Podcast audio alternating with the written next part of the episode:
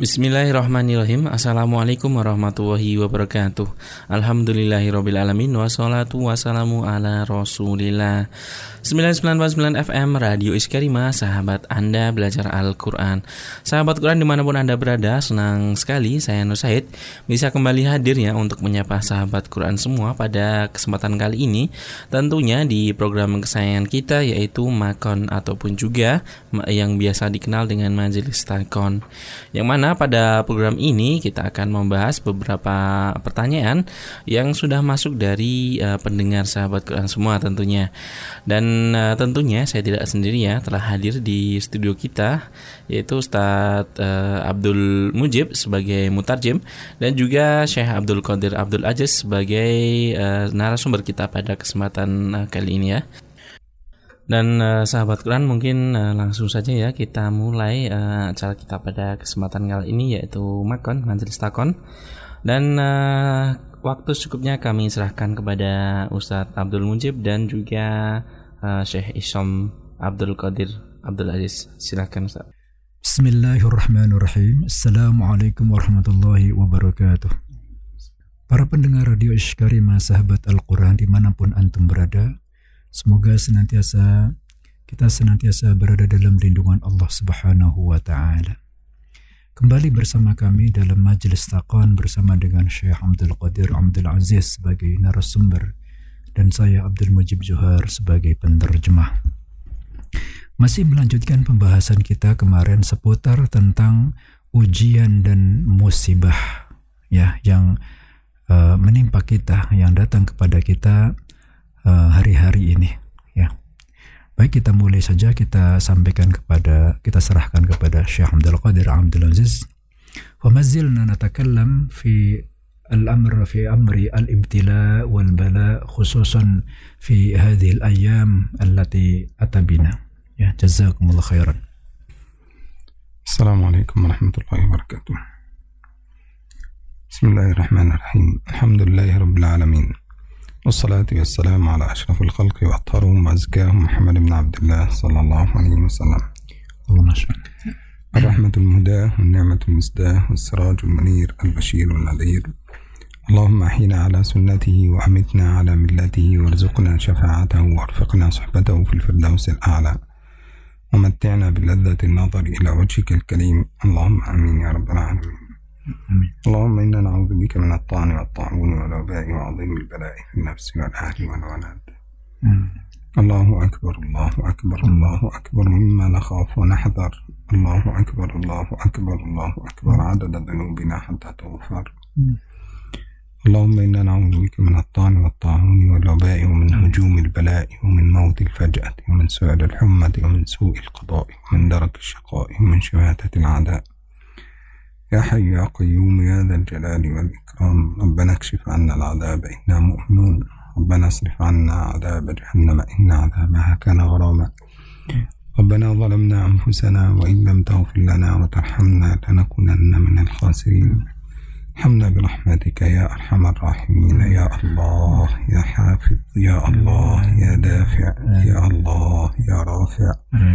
يا الله عجل لنا ولأوليائك بالفرج والعافية.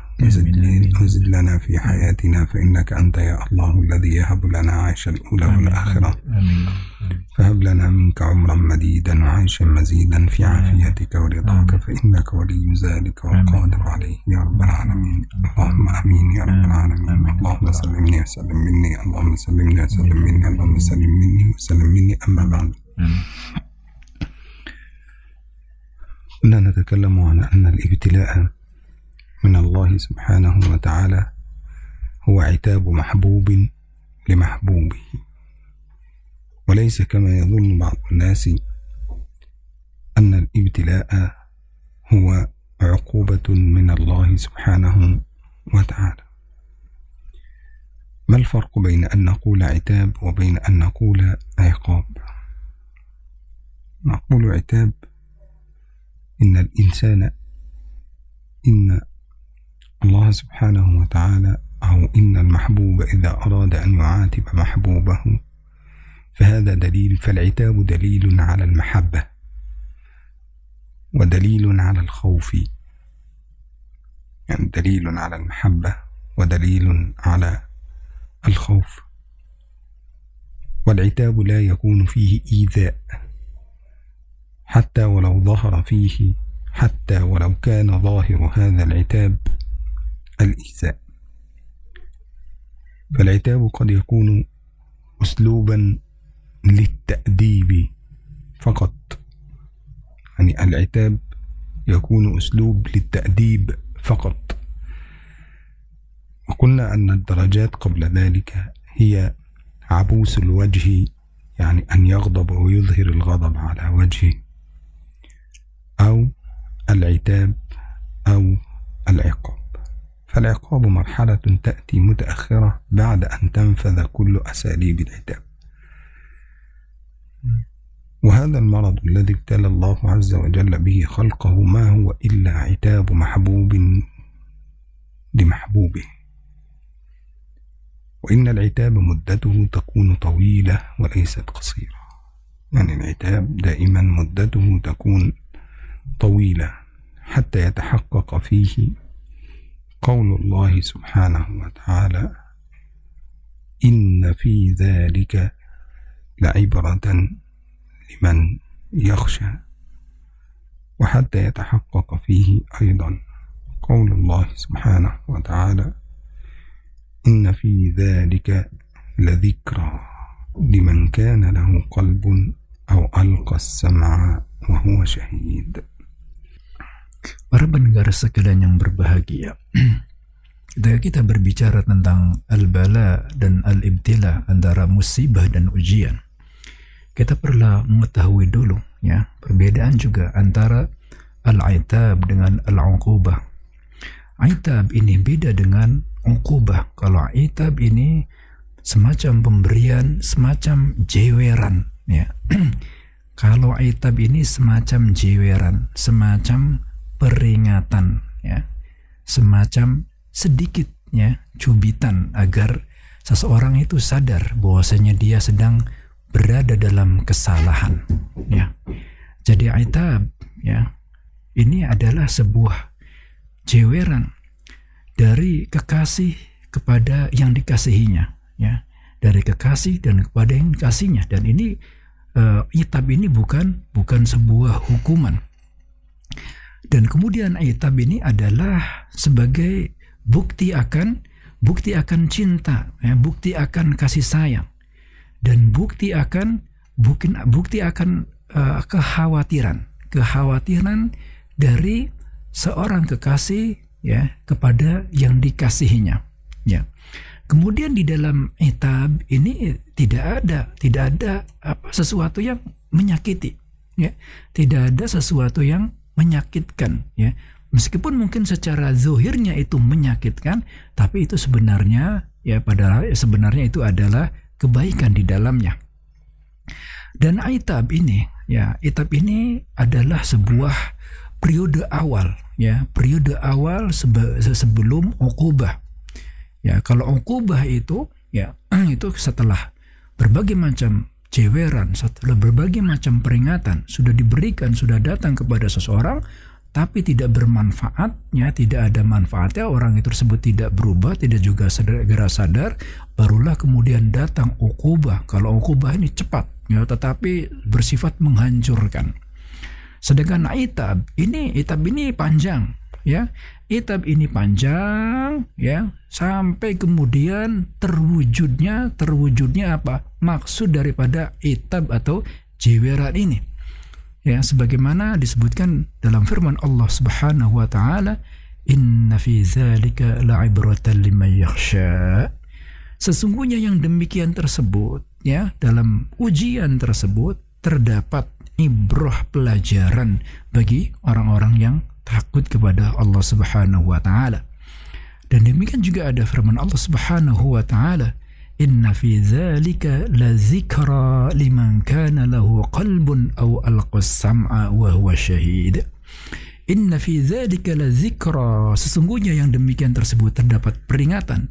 Liman kana lahu qalbun. Bagi orang yang hatinya peka Ya, orang yang mempunyai hati atau hati yang bersih, hatinya peka. Imankana lahu qalbun au alqas ataupun orang yang memakaikan pendengarannya, orang yang mendengarkannya. Wa huwa syahid, kemudian dia menyaksikannya. Amma al-iqabu fa innahu akhdhu wa ihlal وتكون المدة فيه قصيرة جدا.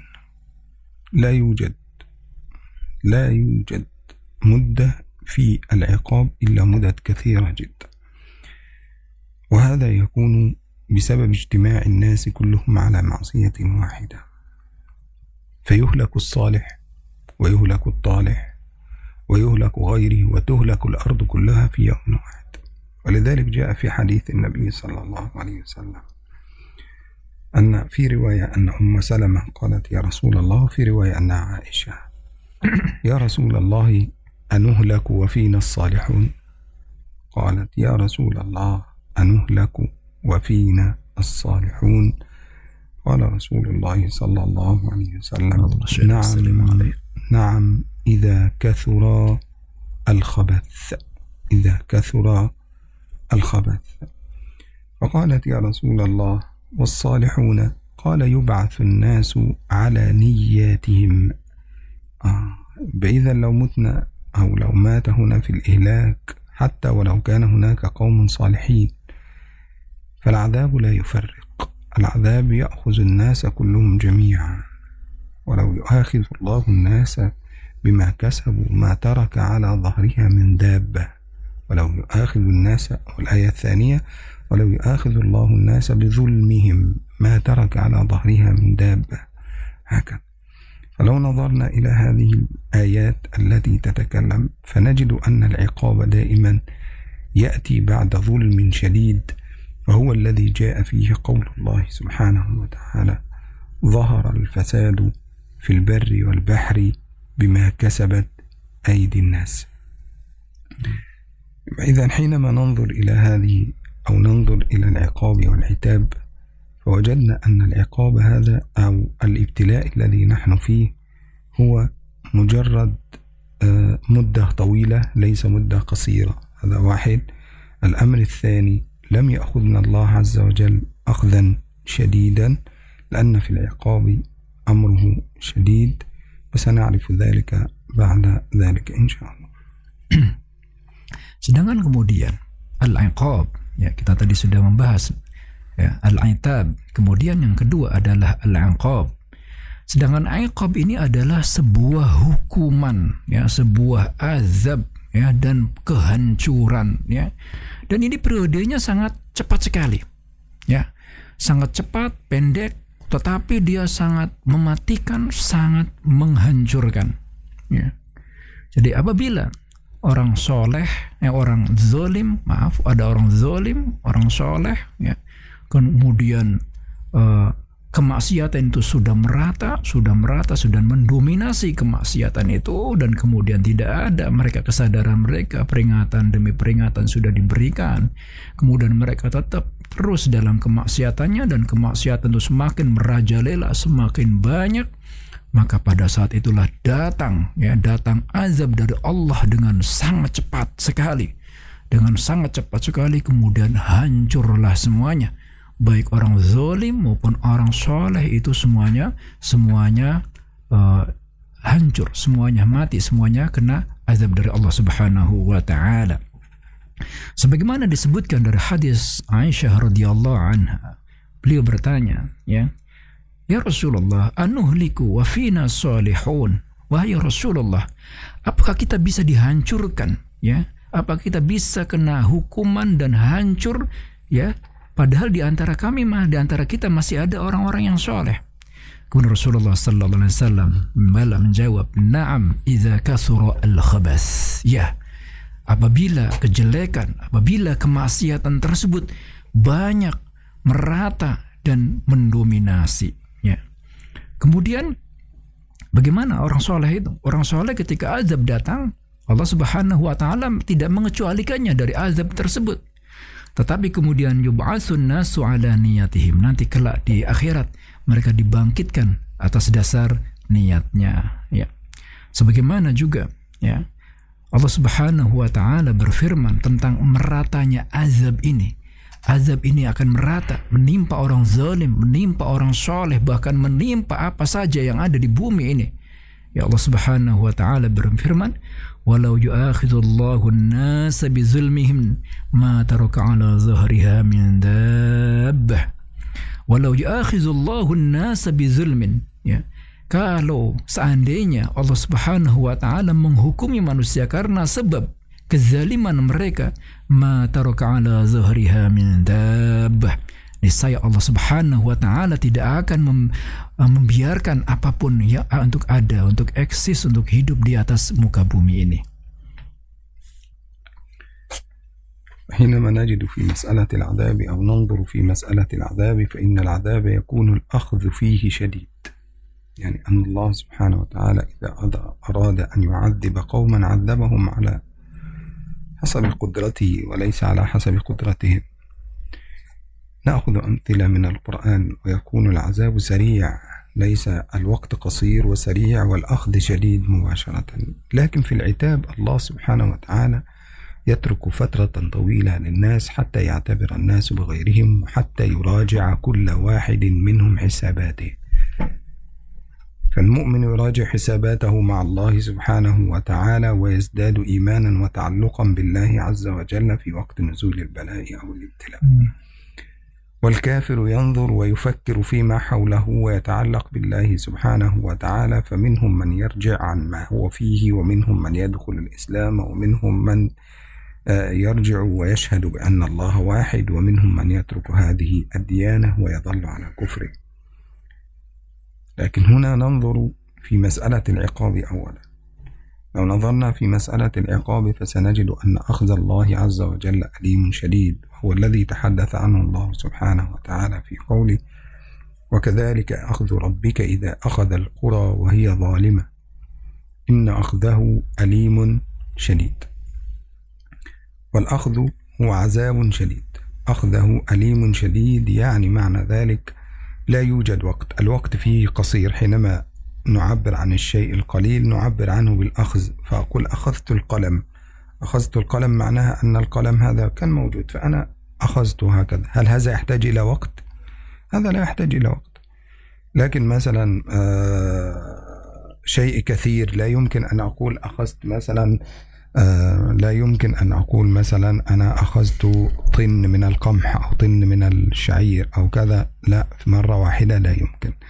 طيب تعال ننظر هذا أستاذ حتى نرى الفرق بين العقاب والعتاب كما نرى والأخذ الشديد.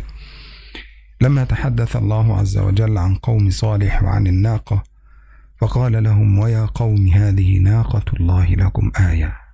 فذروها تأكل في أرض الله ولا تمسوها بسوء فيأخذكم عذاب قريب. فعقروها فقال تمتعوا في داركم كم يوم؟ ثلاثة. أيام. فقال تمتعوا في داركم فعقروها فقال تمتعوا في داركم ثلاثة أيام ذلك وعد غير مكذوب. المدة ثلاثة أيام هذا طويل أم قصير؟ ها؟ طويل أم قصير؟ مدة التي المضروبة أعطاهم الله عز وجل فرصة للتوبة. فرصة للتوبة. وهذه هي التي تحدث الله عن قبل أخذهم بالعقاب ولكنهم أبوا أن يتوبوا. وهذه هي التي تحدث الله عنها في سورة أخرى فقال فلولا كانت قرية آمنت وهؤلاء قوم يونس فلولا كانت قرية آمنت فنفعها إيمانها إلا قوم يونس. لما آمنوا كشفنا عنهم عذاب الخزي في الحياة الدنيا ومتعناهم إلى حين. فكان الله عز وجل قبل أن يعاقب يأتي بفترة يمهلهم فترة يمهلهم فترة لكن الفترة قصيرة فيمهلهم ثلاثة أيام. حتى قوم يونس ذكر ابن كثير في تفسيره وذكر الإمام القرطبي كذلك في الجامع لأحكام القرآن وكذلك ذكر الرازي في مفاتيح الغيب فقال إن الله عز وجل أعطاهم ثلاثة أيام فجلسوا فيما بينهم وقالوا نرجع ونتوب إلى الله سبحانه وتعالى فإننا نعلم أن يونس بن متى لم يكذب أبدا في حياته. وكانوا يعرفون أن سيدنا يونس صادق في وعده فلجأوا إلى الله سبحانه وتعالى وتابوا إلى الله سبحانه وتعالى فتاب الله عليهم قبل أن ينزل عليهم العقاب Ya. Kembali kepada makna azab dan al-itab. Azab ini sebagaimana tadi sudah dibahas bahwasanya azab ini bersifat sangat cepat dan kemudian dia sangat keras sekali. Cepat dan keras. Baik kita secara bahasa kita uh, kaji dulu ya pengertian akhadza ini. Ya seperti saya seandainya saya mengatakan akhadzu al-qalam. Ya akhadzu al-qalam saya mengambil pulpen ini. Ya ini artinya apa? Pulpen ini sudah ada. Pulpen ini sudah ada di depan saya. Kemudian saya mengambilnya saat itu juga seketika itu juga. Apakah membutuhkan waktu yang cepat? Tentu. Ya tidak membutuhkan waktu yang tidak membutuhkan waktu yang lama ya sangat cepat sekali. Ya saya ambil gitu. Akhadzu al-qalam. Demikian juga wa akhzu in in akhza rabbika wa kadzalika akhzu rabbika wa kadzalika akhzu rabbika in akhzahu idza akhadha. al-qura. Nah. Wa kadzalika akhzu rabbika idza akhadha al-qura in akhzahu syadid ya. Tidak demikian dengan al-itab Ya, al-itab ini Allah Subhanahu wa taala memberikan tempo ya, memberikan tempo kepada seseorang, berikan tempo kepada kaum ya untuk berpikir. Allah Subhanahu wa taala memberikan kepada mereka ya beberapa pelajaran, beberapa peringatan. Kemudian Allah Subhanahu wa taala memberikan kepada mereka tempo untuk apa? Untuk berpikir, untuk segera sadar, kemudian kembali, kemudian melakukan perbaikan diri. Ya. Apabila mereka memperbaiki diri. Apabila mereka berubah, maka Allah Subhanahu wa taala tidak menurunkan azab yang dahsyat dan mematikan kepada mereka. Ya. Baik kita ini ya kita lihat kita lihat bagaimana azab yang menimpa kaumnya Nabi Saleh ini ya. Nabi Saleh ini memberikan peringatan kepada kaumnya ya memberikan kaum berikan kepada kaumnya kemudian Allah Nabi Saleh yang menunjukkan kepada mereka ayat kekuasaan Allah Subhanahu wa taala berupa seekor unta. Wa ya qaumi sebagaimana Allah Subhanahu wa taala menceritakan tentang mereka. Wa ya qaumi hadhihi naqatullahi lakum ayah fazaruha ta'kul fi ardillah wa la tamassuha bisu'in fayakhudhukum 'adzabun qarib. فعقروها فقال تمتعوا في داركم ثلاثة أيام ذلك وعد غير مكذوب ya Wahai kaumku, inilah ya bukti-bukti kekuasaan Allah. Ini adalah onta Allah Subhanahu wa taala. Ya. Biarkan onta ini makan dan minum dan jangan kalian sentuh dengan dengan tidak baik, ya. Kemudian apa? Ternyata kaumnya ini melanggar, ya. Kaumnya ini melanggar, akhirnya kemudian mereka menyembelih unta ini. Fa'aqaruha. Ya, kemudian mereka menyembelih unta ini. Kemudian Nabi Soleh berfirman berkata kepada mereka, "Faqala tamatta'u fi darikum salasata ayyam." Ya, silakan kalian bersenang-senang. Ya, di kampung-kampung kalian, di rumah-rumah kalian tiga hari. Ya, Zalika makdzub. Itu adalah janji Allah yang tidak didustakan, yang tidak ada seorang yang bisa untuk lari daripada janji Allah Subhanahu wa taala tiga hari. Ya, apakah tiga hari ini waktu yang uh, lama? Ya, tiga hari tidak bukan waktu yang lama, tetapi sebenarnya cukup bagi mereka untuk berpikir. Cukup waktu tersebut bagi mereka untuk berpikir dan untuk menyadari kemudian segera bertaubat. Tetapi mereka tidak mau bertobat, tidak segera sadar. Kemudian Allah Subhanahu wa taala memberikan azab kepada mereka. Wa kadzalika akhdhu rabbika idza akhadha al-qura inna akhdahu syadid. Demikianlah hukuman dari Allah Subhanahu wa taala dari Tuhan kalian. Ya apabila Allah Subhanahu wa taala menghukum sebuah kampung, sebuah uh, umat ya inna khazahu syadid. Sesungguhnya hukuman Allah Subhanahu wa taala tersebut sangat keras ya. Ya. Seandainya ya seandainya mereka dalam waktu tiga hari tersebut segera sadar segera bertobat insya Allah Subhanahu wa taala tidak akan uh, menurunkan kepada mereka azab. Sebagaimana yang terjadi kepada Oh, umatnya Nabi Nabi Yunus alaihi salam. Ya sebagaimana Allah Subhanahu wa taala berfirman dalam surat yang lain falaula kanat qaryatun amanat fanafa'aha imanuha illa qauma yunus lamma amanu kashafna anhum azabal khizyi fil hayatid dunya wa matta'nahum ila hin. Falaula kanat qaryatun amanat ya seandainya ya sebuah kampung sebuah uh, umat itu. Mereka beriman ya. Amanat fanafa'aha imanuha. Kemudian keimanan mereka tersebut uh, bermanfaat bagi mereka. Illa qauma Yunus. Tetapi tidak mereka tidak beriman. Mereka tidak beriman mereka tidak sadar. Kecuali ya kaumnya Nabi Yunus. Lama amanu. Ketika mereka beriman kepada Nabi Yunus kasyafna anhum azab al khizzi fil hayati dunya Allah angkat ya dari mereka azab yang azab yang menghinakan di kehidupan dunia. Wa mata'nahum ilahi Sampai kemudian para mufassirin mengatakan di dalam tafsir mereka Imam At-Tabari kemudian uh, Fakhruddin Ar-Razi di dalam ya, tafsirnya Mafatihul Ghaib ya tafsir Al-Kabir ya. Bahwasanya Allah Subhanahu wa taala ya memberikan kepada mereka waktu tiga hari sebagaimana yang diberikan kepada kaumnya Nabi Soleh. Kemudian dalam waktu tiga hari tersebut mereka berpikir, coba kita lihat, ya Yunus ini tidak pernah berdusta kepada kita kan, ya Yunus tidak pernah berdosa kepada kita. Ya kemudian dia juga dikenal sebagai orang yang baik.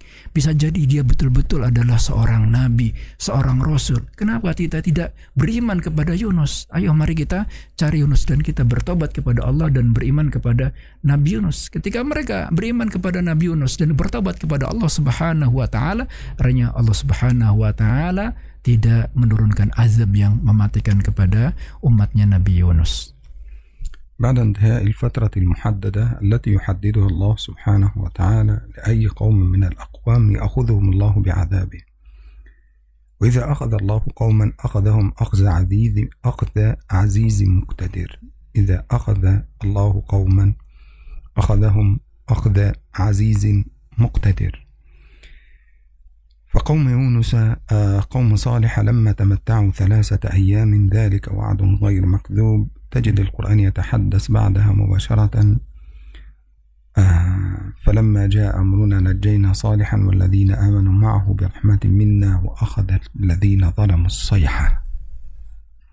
أخذ الذين ظلموا الصيحة فأصبحوا في دارهم جاثمين. حينما تنظر ويقول في سورة أخرى فأخذتهم الصيحة فأصبحوا في دارهم جاثمين. والصيحة هو أن الله أمر جبريل عليه السلام أن يصيح بهم صيحة. الصيحة هي الصوت العالي.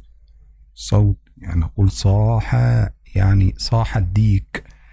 هكذا لأن صوت الديك يكون مرتفع ويخرج مرة واحدة مرتفعا ويزيد. هكذا وصوت الإنسان مرتفع ويزيد وهكذا.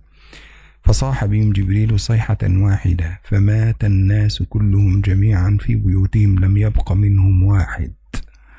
وهذه الصيحة يقول بعضهم أن جبريل نادى بصوته يعني رفع صوته مرة واحدة فلم من شدة الصوت لم يستطيعوا سماع الصوت فهلكوا جميعا. كذلك حينما تنظر إلى العذاب وحينما يأخذهم أخذ عزيز مقتدر. انظر إلى قوم لوط في قول الله سبحانه وتعالى يا لوط إن رسل ربك لن يصلوا إليك فأسر بأهلك بقطع من الليل واتبع أدبارهم. ولا يلتفت منكم أحد إلا امرأتك. إنه مصيبها ما أصابهم. إن موعدهم ها موعدهم متى؟ الصبح. آه هذه مدة أقصر. إن موعدهم الصبح أليس الصبح بقريب؟ فلما جاء أمرنا جعلنا عاليها سافلها وأمطرنا عليها حجارة من سجيل منضود مسومة عند ربك. وما هي من الظالمين ببعيد. فنجد أنه في قصة آه، لوط أمر الله عز وجل جبريل أن يضرب الأرض بجناحيه فضرب الأرض بجناحيه فشق المكان الذي كانوا يجلسون فيه فصل المكان الذي كان يجلس فيه قوم لوط عن بقية الأرض ثم رفعها ثم قلب أعلاها إلى أسفلها حتى أن الملائكة في السماء قد سمعت صياح الديكة التي كانت موجودة ثم قلب الأرض على أعلاها إلى أسفلها بمن فيها ثم ألقى عليها حجارة من سجيل منضود فكانت الحجارة إذا نزلت على الأرض وأصابت أحدا تحت الأرض كما قال الإمام الطبري ابن جرير الطبري في تفسيره يقول كانت الحجارة تنزل على الأرض فيغلي منها الرجل الذي هو تحت الأرض. يعني لم تكن الحجارة تنزل عليهم مباشرة بل بعد أن قلب الأرض الحجارة تنزل فوق الأرض وهم يعذبون تحت الأرض بهذه الحجارة. والله سبحانه وتعالى أعلم. Ya. Jadi Allah Subhanahu wa taala ketika Allah Subhanahu wa taala mengadab sebuah kaum maka azabnya itu adalah azab ya azab dari Al-Aziz Al-Muqtadir. Al-Aziz ya. Digambarkan azabnya ini bukan azab dari zat yang lemah ya. Tapi azabnya ini adalah azab dari zat al yang al-aziz ya al-muqtadir yang gagah kemudian maha kuat maha perkasa maha kuat maha kuasa dikatakan di sini yang muqtadir ada tambahan tak ini menunjukkan ada ada tambahan pengertian. Ya kita lihat ya sebagaimana diceritakan dalam kisahnya uh, Nabi Soleh ya. Allah Subhanahu wa taala menceritakan tentang mereka falamma jaa amruna najjayna salihan walladzina amanu ma'ahu wa akhadha alladzina zalamu as-sayhah fa akhadha alladzina zalamu as-sayhatu fa asbahu fi diyarihim ya ketika kemudian datang perintah Allah Subhanahu wa taala kemudian Allah Subhanahu wa taala menyelamatkan Nabi Soleh ya keluarganya dan dan kaumnya orang-orang yang dari kalangan orang-orang yang beriman ya kemudian orang-orang yang kafir tersebut ya di azab oleh Allah Subhanahu wa taala berupa apa? Berupa as-soihah. As-soihah ini adalah suara-suara yang sangat nyaring sekali. Suara yang sangat nyaring, yang sangat keras sekali. Allah Subhanahu wa taala merintahkan kepada malaikat Jibril untuk berteriak, untuk bersuara dengan suara yang sangat keras sekali sehingga mereka tidak mampu untuk mendengarkannya dan mereka tidak bisa bertahan dari mendengarkan suara yang sangat nyaring, sangat memekikkan telinga dan mereka mati semuanya seketika. Kemudian kita lihat di tentang kisahnya uh, Nabi Lut ya Nabi Lut alaihi salam ya ketika kaumnya Nabi Lut datang kepada rumah ke, ke rumahnya Nabi Lut dan kemudian ingin menemui beberapa malaikat yang ada di situ yang dikiranya manusia biasa dengan tampang yang sangat ganteng ya. Kemudian Nabi Lut sangat khawatir sekali karena dia tidak bisa melindungi tamu-tamunya dari gangguan kaumnya yang ingin berbuat maksiat ingin berbuat serong. Kemudian tamu-tamunya tersebut berkata kepada Nabi Lut, يا لوط إن رسل ربك لن يصلوا إليك. فاسر بك أهلك بقطع من الليل واتبع أدبارهم ولا يلتفت ولا يلتفت منكم أحد إلا امرأتك. إنه مصيبها ما أصابهم إن موعدهم الصبح. أليس الصبح بقريب؟ أليس الصبح بقريب؟ Wahai Nabi Lut, wahai Lut, sesungguhnya kami-kami ini adalah utusan Tuhanmu ya. Dan mereka tidak akan bisa menjangkau kami wahai Lut ya. Pergilah engkau bersama dengan keluarganya ya. Dan kemudian jangan sekali-kali ada seorang di antara kalian yang menengok ke, ke belakang. Sesungguhnya mereka akan ditimpa uh, azab pada pagi hari. Sesungguhnya pagi hari itu waktu yang sudah sangat dekat sekali فجعلنا فجعلنا عاليها سافلة وأمطرنا عليهم حجارة من سجيل ممدود مسومة عند ربك وما هي من الظالمين ببعيد ya. Kemudian Allah Subhanahu wa taala memerintahkan apa? Memerintahkan malaikat Jibril untuk memukul tanah bumi ya kampung di mana mereka tinggal. Kemudian ketika bumi tersebut dipukul dengan sayapnya malaikat Jibril, bagian bumi kampung yang mereka tinggali tersebut terlepas, pisah dari bumi, kemudian terangkat ke atas, terangkat ke atas sekali sampai kemudian apa? Malaikat-malaikat tersebut, malaikat yang di langit itu bisa mendengarkan apa? Suara kokokan ayam jantan mereka, ya. Kemudian setelah ke atas dibalikan kampung mereka tersebut, bagian atasnya ke bawah, kemudian dijungkirkan balik, uh, dikembalikan ke bumi, ya, dikembalikan ke bumi, dijungkir balikan ke bumi, dan ke dalam keadaan posisi mereka di bawah. Jadi bagian atas berada di bawah. Kemudian setelah dijungkir balikan, kemudian di langit diturunkan lagi apa? Hujan batu, hujan batu yang sangat yang sangat keras sekali dari neraka sijil. Dan hujan batu ini demikian panasnya demikian kerasnya ya mereka tidak mereka uh, tidak menimpa mereka langsung tapi akan menimpa bumi dulu dan kemudian mereka diazab di dalamnya dan mereka mendidih di uh, di dalam bumi tersebut karena hujan batu yang sangat panas tersebut Allah taala alam suap Ya, para pendengar sekalian, Radio Karimah di mana pun Anda berada, ya, demikianlah pembahasan kita pada hari ini. Insya Allah akan kita lanjutkan pada pertemuan yang akan datang. Semoga kajian ini, semoga pengajian ini bisa memberikan manfaat dan menambahkan kepada kita keimanan dan ketakwaan. Amin ya rabbal alamin. Saya dan Syekh Isyam mengundurkan diri. Jazakumullah khairan atas perhatiannya. Assalamualaikum warahmatullahi wabarakatuh. Jazakumullah khair kepada Syekh Abdul Qadir Abdul Aziz dan Ustadz Abdul Mujib yang telah berkenan uh, hadir dan menyempatkan waktu untuk berbagi ilmu pada kesempatan kali ini.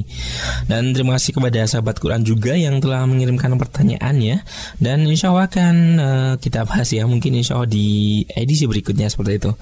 Dan semoga menjadi pencerahan bagi kita semua khususnya bagi yang bertanya dan sahabat Quran yang lain pada umumnya. Baiklah sahabat Tuhan di mana pun Anda berada Demikian tadi Majelis Takon edisi kali ini Akhirnya saya Nur Syahid yang bertugas Juga mewakili Syekh Abdul Qadir Abdul Aziz dan Ustadz Abdul Mujib pamit undur diri dari ruang dengar sahabat Quran semua. Tetap stay tune di 99.9 FM Radio Iskarima, sahabat Anda belajar Al-Quran. Alhamdulillahirrabbilalamin, subhanakallahumma bihamdika, asyhadu an la ilaha illa anta astaghfiruka wa atubu Wassalamualaikum warahmatullahi wabarakatuh.